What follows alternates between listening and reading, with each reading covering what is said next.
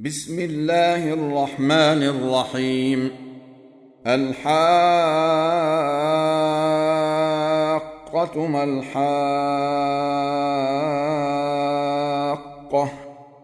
وما أدراك ما الحاقة؟ كذبت ثمود وعاد بالقارعة. فأما ثمود فأهلكوا بالطاغية وأما عاد فأهلكوا بريح صرصر عاتية. سخرها عليهم سبع ليال وثمانية أيام حسوماً. فترى القوم فيها صرعى كأنهم أعجاز نخل خاوية. فهل ترى لهم من باقية؟ وجاء فرعون ومن قبله والمؤتفكات بالخاطئة. فعصوا رسول ربهم فأخذهم أخذة رابية. إنا لما طغى الماء حملناكم في الجارية. لنجعلها لكم تذكرة وتعيها أذن واعية. فإذا نفخ في الصور نفخة واحدة وحملت الأرض والجبال فدكتا دكة واحدة فيومئذ وقعت الواقعة وانشقت السماء فهي يومئذ واهية والملك على أرجائها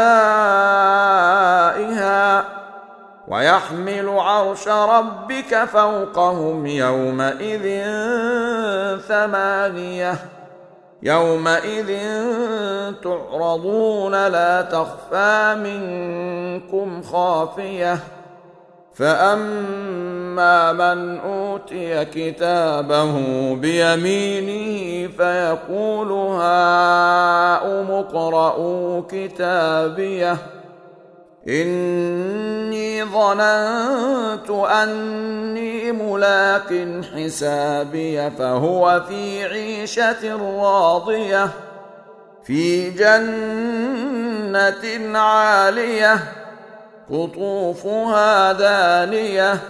كلوا واشربوا هنيئا بما أسلفتم في الأيام الخالية. وأما من أوتي كتابه بشماله فيقول يا ليتني لم أوت كتابيه ولم أدر ما حسابيه. يا ليتها كانت القاضية ما أغنى عني مالية هلك عني سلطانية خذوه فغلوه ثم الجحيم صلوه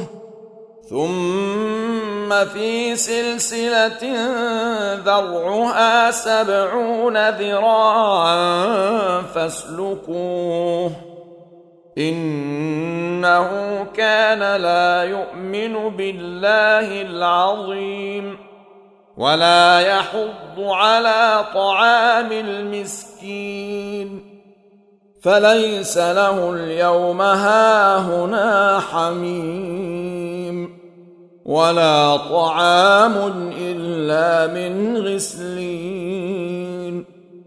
لا يأكله إلا الخاطئون. فلا أقسم بما تبصرون. وما لا تبصرون. إنه لقول رسول كريم.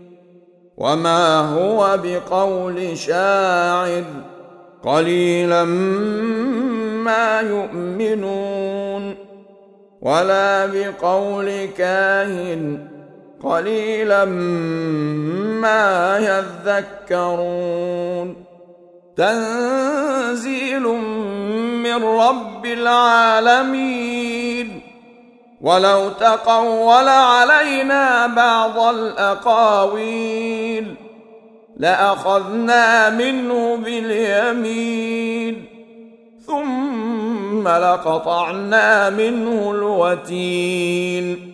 فما منكم من أحد عنه حاجزين. وإنه لتذكرة للمتقين. وأنا لنعلم ان منكم مكذبين وانه لحسره على الكافرين وانه لحق اليقين فسبح باسم ربك العظيم